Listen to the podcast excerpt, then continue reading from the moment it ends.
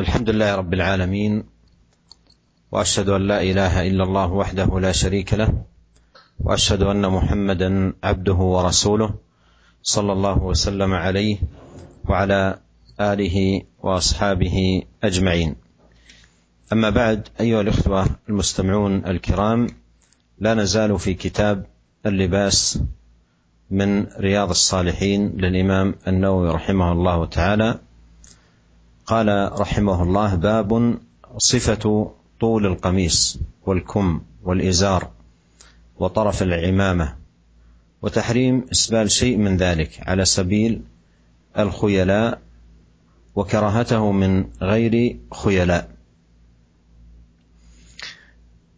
هذه الترجمة كما أوضح النووي رحمه الله تعالى في صفة القميص من حيث طول القميص ومن حيث طول الكم وأيضا طول العمامة. أورد رحمه الله تعالى حديث أسماء بنت يزيد الأنصارية. قالت كان كم قميص رسول الله صلى الله عليه وسلم إلى الرسغ. رواه أبو داود والترمذي وقال حديث صحيح. وهذا الحديث الذي بدأ به في أول هذه الترجمة فيه بيان هدي النبي صلى الله عليه وسلم من حيث طول كم القميص. في في طول كم القميص وأنه يكون إلى الرسغ. والرسغ هو مفصل الكف مما يلي أول الساعد. مفصل أول مفصل الكف مما يلي اول الساعد فهذا الحديث فيه ان كم قميص النبي صلى الله عليه وسلم طوله إلى الرسغ اي انه لا يزيد على ذلك Bismillahirrahmanirrahim. Segala puji bagi Allah, Tuhan semesta alam. Tiada sekutu baginya. Aku bersaksi bahwasanya tidak ada yang berhak disembah kecuali hanya Allah Subhanahu wa taala. Tiada sekutu baginya dan bahwasanya Nabi Muhammad adalah hamba dan utusannya. Semoga Allah Subhanahu wa taala melimpahkan salawat dan salam kepada beliau, keluarga beliau serta para sahabat beliau semuanya. Para pendengar sekalian, pada pembahasan kali ini kita akan membahas tentang bab seberapa panjangnya gamis atau jubah dan lengan baju, sarung, serta ujung sorban dan larangan atau diharamkannya memanjangkan barang-barang yang, yang tersebut di atas dalam bentuk dengan cara sombong ya. serta makruhnya memanjangkan hal-hal tersebut jika tidak disertai dengan kesombongan. Dalam bab ini Imam Nawawi rahimahullah taala menyebutkan beberapa hadis dan yang pertama adalah hadis yang diriwayatkan oleh Abu Dawud dan Tirmidzi dengan sanad yang sahih dari Asma binti Yazid Al-Ansariyah bahwasanya beliau berkata lengan baju atau ujung lengan baju atau gamis Rasulullah Shallallahu Alaihi Wasallam itu sampai ke pergelangan tangan. Hadis ini menjelaskan petunjuk Nabi Muhammad Shallallahu Alaihi Wasallam dalam sejauh mana atau seberapa panjangnya lengan baju beliau, lengan gamis beliau, dan disebutkan dalam hadis bahwasanya lengan baju beliau panjangnya sampai pergelangan tangan atau ar dalam bahasa Arab yaitu pergelangan tangan, akhir telapak tangan dan awal dari uh, lengan tangan kita. Nah. ثم أورد رحمه الله تعالى حديث ابن عمر رضي الله عنهما أن النبي صلى الله عليه وسلم قال من جر ثوبه خيلا لم ينظر الله إليه يوم القيامة. فقال أبو بكر يا رسول الله إن إزاري يسترخي إلا أن أتعاهده.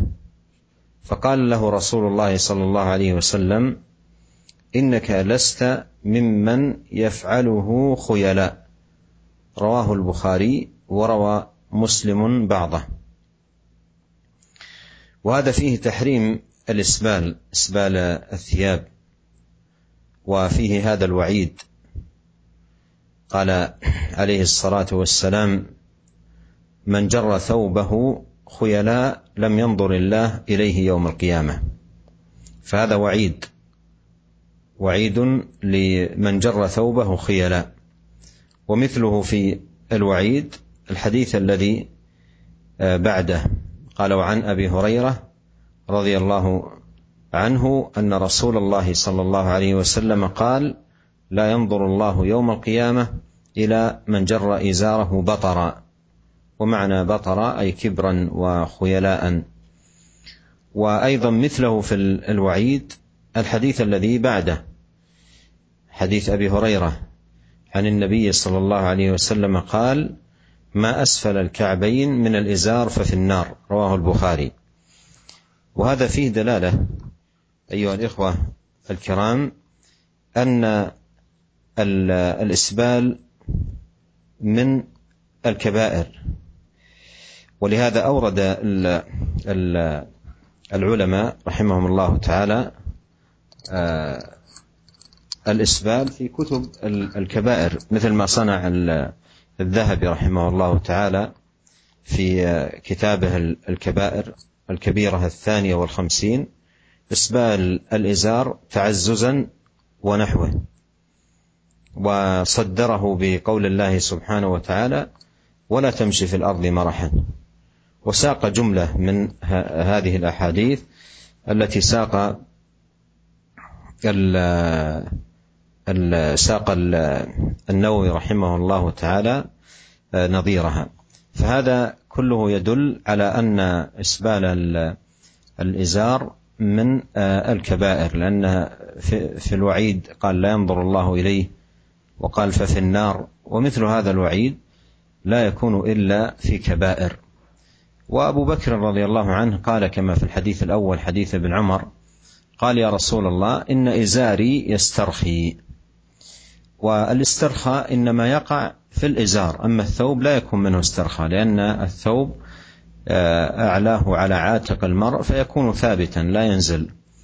لكن الإزار بحكم أنه يشد في الوسط وسط الإنسان فإنه مع المشي والحركة يبدأ ينزل الإزار كما معلوم كما هو معلوم مثل الإزار الذي يلبسه المحرم والإزار التي يلبس في بعض البلدان ومنها أندونيسيا.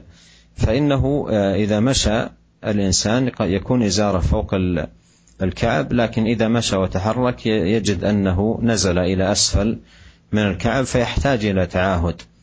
أما الثوب إذا كان فوق الكعب فإنه لا ينزل لأنه ثابت على هيئة واحدة. وإنما الذي ينزل هو آه، الإزار. فأبو أبو أبو بكر كان يلبس الإزار فوق الكعب لكنه ينزل يقول أنا أتعاهد. يعني أتعاهد الإزار بحيث أنني أحرص كل ما شعرت أنه نزل أن أرفعه. هذا من حرص الصحابة رضي الله عنهم واهتمامهم بهذا الأمر. فقال له النبي صلى الله عليه وسلم إنك لست ممن يفعله خيلاء. إنك لست ممن يفعله خيلاء. وتتعجب أيها الأخ الكريم عندما ترى بعض الناس يتعمد أن يجعل إزاره أسفل من الكعب ثم يزعم أنه مثل أبي, أبي بكر رضي الله عنه آه، لم يفعله خيلاء. والنبي صلى الله عليه وسلم أخبر أن الكبر بطر الحق وغمط الناس.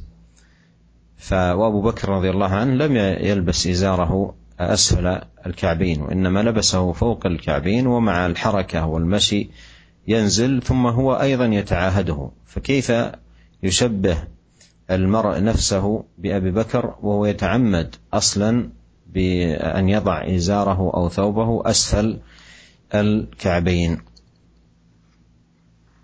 Hadis yang selanjutnya adalah hadis yang diriwayatkan oleh uh, Al-Bukhari dan sebagiannya diriwayatkan oleh Muslim dari Abu dari Ibnu Umar radhiyallahu anhu bahwasanya Nabi Muhammad sallallahu alaihi wasallam bersabda barang siapa yang memanjangkan pakaiannya dengan sombong, maka Allah Subhanahu wa taala tidak akan melihatnya pada hari kiamat. Abu Bakar As-Siddiq radhiyallahu anhu berkata, "Wahai Rasulullah, sesungguhnya sarung saya terjulur kecuali jika saya mengangkatnya. Kecuali jika saya menjaganya dengan sesekali mengangkatnya jika turun." Maka Rasulullah Shallallahu alaihi wasallam bersabda, "Engkau bukanlah termasuk orang yang melakukannya dengan sombong." Ya. Hadis ini menjelaskan tentang haramnya isbal, ya haramnya menjulurkan atau memanjangkan pakaian kita. Dan hadis ini juga menjelaskan ancaman yang akan dihadapi oleh orang yang melakukan perkara tersebut.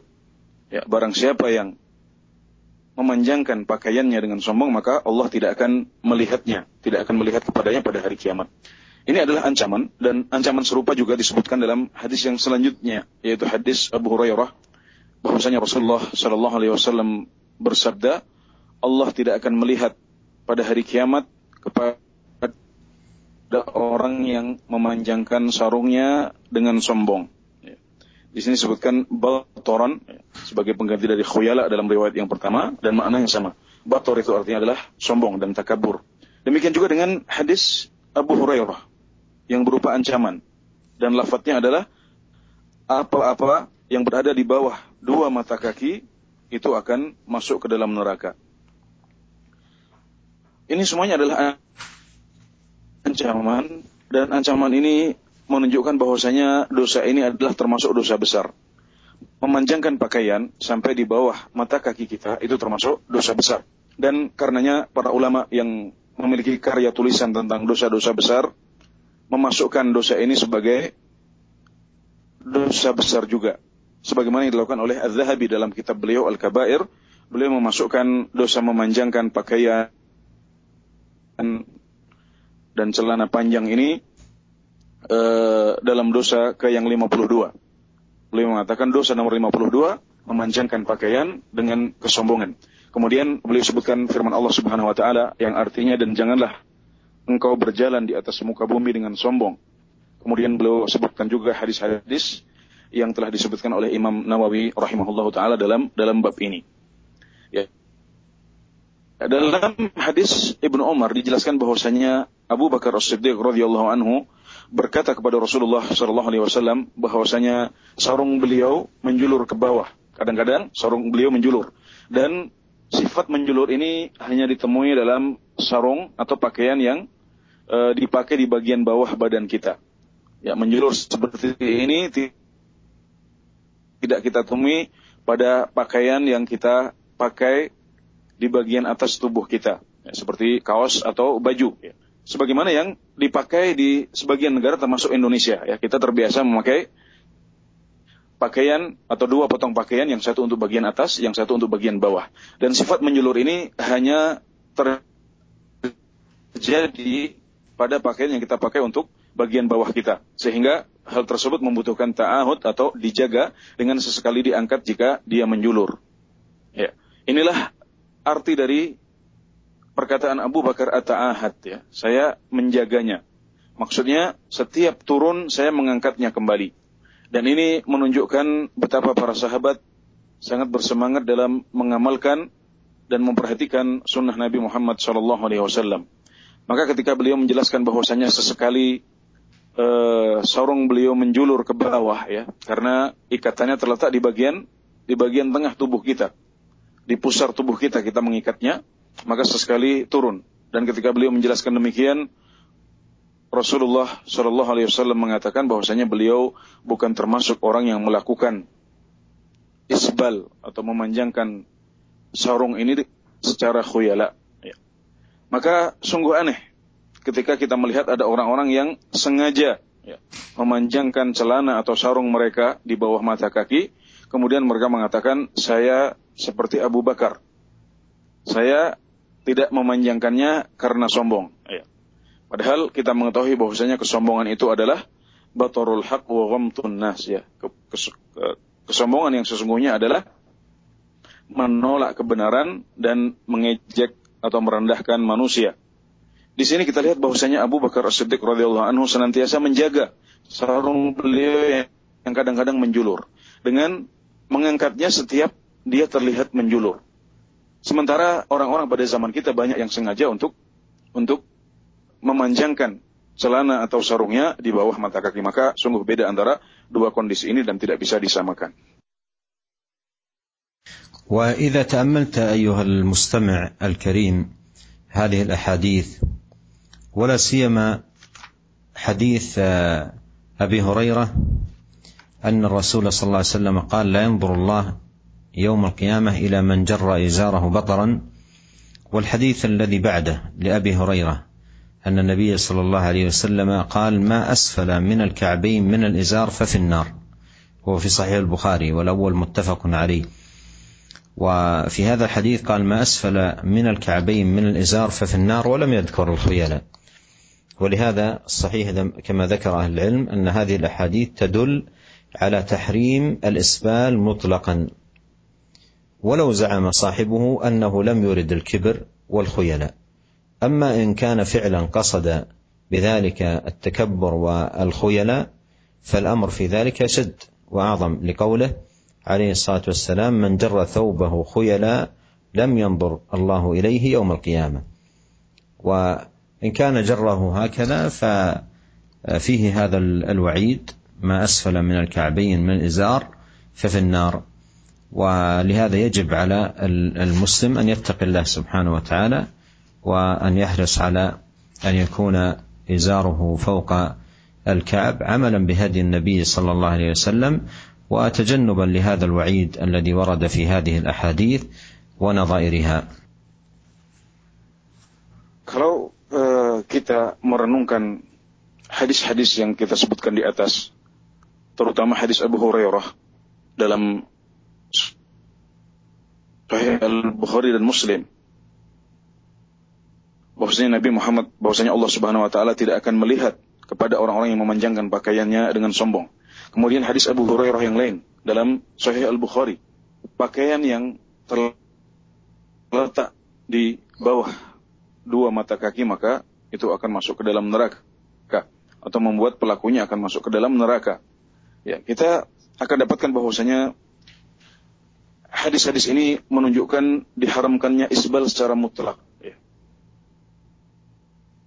Dan pendapat yang benar dari beberapa pendapat para ulama adalah bahwasanya isbal itu haram dalam keadaan mutlak.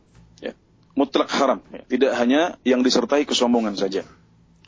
Jadi kalau ada orang yang memanjangkan celananya atau sarungnya, ya, kemudian dia mengatakan saya tidak sombong, maka dia masuk dalam ancaman hadis yang kedua, hadis Abu Hurairah pakaian yang di bawah kedua mata kaki akan membawa pelakunya ke dalam ke dalam neraka ya. Di sini tidak disebutkan kata-kata sombong ya. Jadi ini mutlak.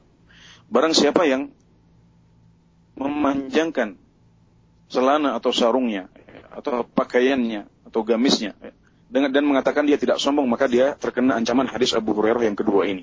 Adapun kalau dia melakukan isbal, memanjangkan pakaiannya atau celananya atau sarungnya, ditambah rasa kesombongan, maka dia terkena ancaman hadis Abu Hurairah yang pertama, yaitu tidak akan dilihat oleh Allah Subhanahu wa taala pada hari kiamat nanti.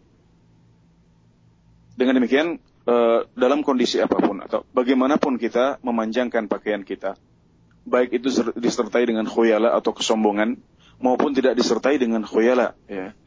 Maka sesungguhnya itu semuanya dilarang dan diharamkan dalam agama kita maka hendaklah setiap dari kita berusaha untuk mengamalkan apa yang sudah didengar ini dengan mengangkat pakaiannya dari atas dua mata kaki sebagai bukti cinta kita kepada ajaran Nabi Muhammad SAW dan agar kita terhindar dari uh, dua ancaman berbeda yang disebutkan oleh dua riwayat hadis dari Abu Hurairah radhiyallahu anhu. Ya.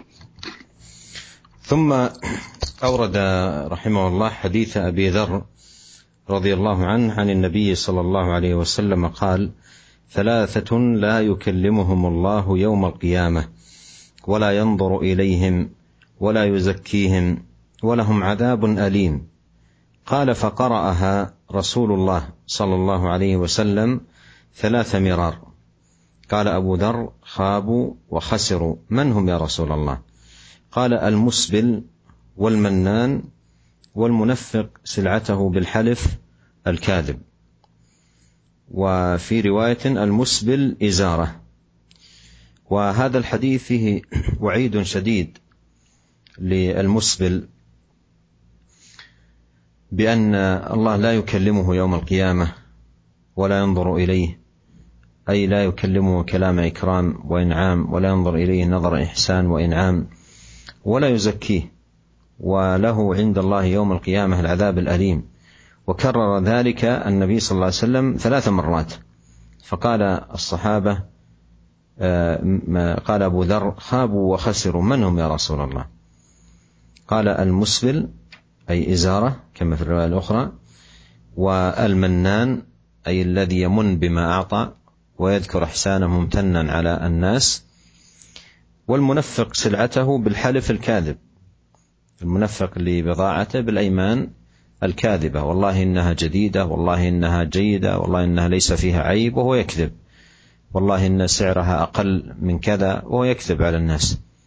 فهؤلاء الثلاثة لهم هذا الوعيد آه، الشديد الوارد في هذا الحديث. وأذكر قصة آه، لطيفة آه، تتعلق بهذا الحديث. قبل قرابة الثلاثين سنة كنت أدرس المرحلة المتوسطة. فكنت في الممر بين الفصول فرأيت طالبا من طلاب المتوسط يعني عمره 12 سنة تقريبا أو 13 سنة وإذا ثوبه آه، مسبل فقلت له آه، هناك حديث عن النبي صلى الله عليه وسلم أظنك ما سمعته في حياتك. فقال ما هو هذا الحديث؟ فذكرت له حديث أبي ذر هذا في صحيح مسلم ثلاثة لا يكلمهم الله يوم القيامة ولا ينظر إليهم. فقلت له هل سمعته؟ بعد أن أوردت له الحديث قال لا لم أسمعه. قلت نعم أنا أظنك لم تسمعه وإلا لو سمعته لكان شأنك آخر. هكذا كان حديثي معه. ومشيت ودعته ومشيت من الغد كنت أمشي في في الممر وإذا طالب يجري خلفي يناديني يا أستاذ. فوقفت التفت إليه فأشار لي إلى أسفل بدنه قال جيد هكذا ثوبي. فابتسمت له وشكرت له شكرته على آه، حرصه ومبادرته. وأنا أوردت هذه القصة لأبين أن مثل هذه الأحاديث القوية العظيمة عندما تقرأ على الناس وحدها تكفي لأن الناس فعلا تحب النبي عليه الصلاة والسلام وتحب العمل بما جاء عنه وتعرف أنه لا يأتي إلا بما فيه الخير والفلاح والسعادة. فمثل هذه الأحاديث إذا وقف عليها الإنسان وأوقف عليها بلطف فانها تدخل إلى قلبه ولا بد لما قام في القلب من محبه للنبي عليه الصلاه والسلام وحرصا على آه، هديه آه، القويم ونهجه المبارك صلوات الله وسلامه وبركاته عليه. Selanjutnya adalah uh, hadis yang diriwayatkan oleh uh, Muslim dari Abu Dhar radhiyallahu anhu dari Nabi Muhammad sallallahu alaihi wasallam beliau bersabda ada tiga golongan orang yang tidak akan diajak berbicara oleh Allah Subhanahu wa taala pada hari kiamat tidak akan dilihat olehnya pada hari itu dan tidak akan disucikan mereka tidak akan disucikan dan mereka akan mendapatkan adab yang pedih Rasulullah SAW membaca hadis ini tiga kali Kemudian Abu Dhar radhiyallahu anhu berkata, sungguh mereka kecewa dan rugi. Siapa mereka wahai Rasulullah? Maka beliau pun mengatakan al-musbil ya orang yang memanjangkan atau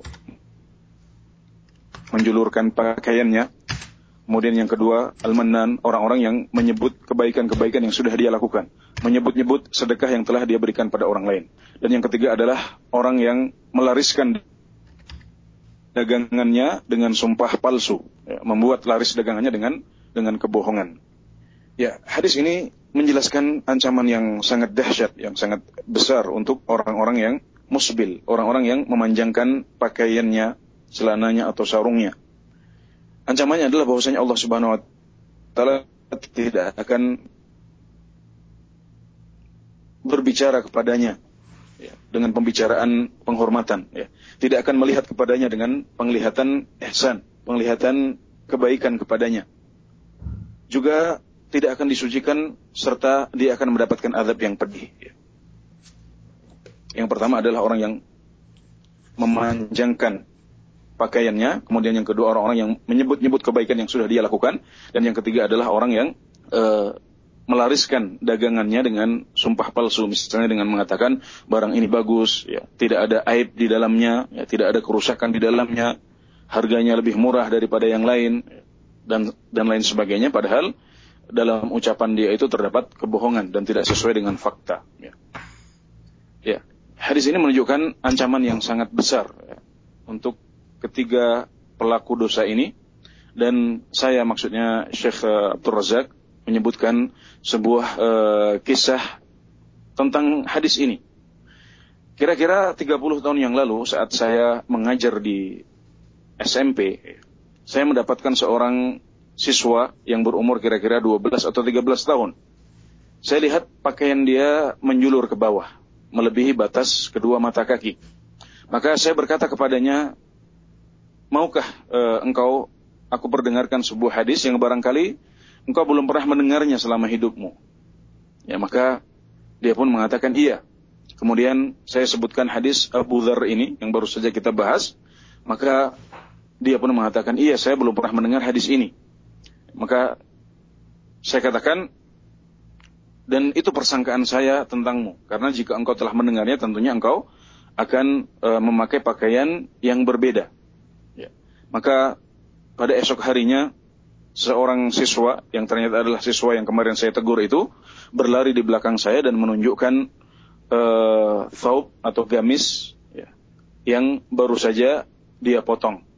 Maka saya pun mengucapkan terima kasih dan memotivasi dia untuk terus uh, mengikuti ajaran dan sunnah Nabi Muhammad SAW. Saya sengaja menyebutkan kisah ini untuk menjelaskan bahwasanya hadis-hadis seperti ini ya, itu cukup ya, dengan sendirinya cukup. Saat orang mendengarkan hadis-hadis seperti ini, orang akan mengikutinya karena mereka memiliki kecintaan kepada Nabi Muhammad SAW dan kita mengetahui bahwasanya dalam hadis-hadis ini terdapat banyak kebaikan dan itu adalah sebab kebahagiaan kita.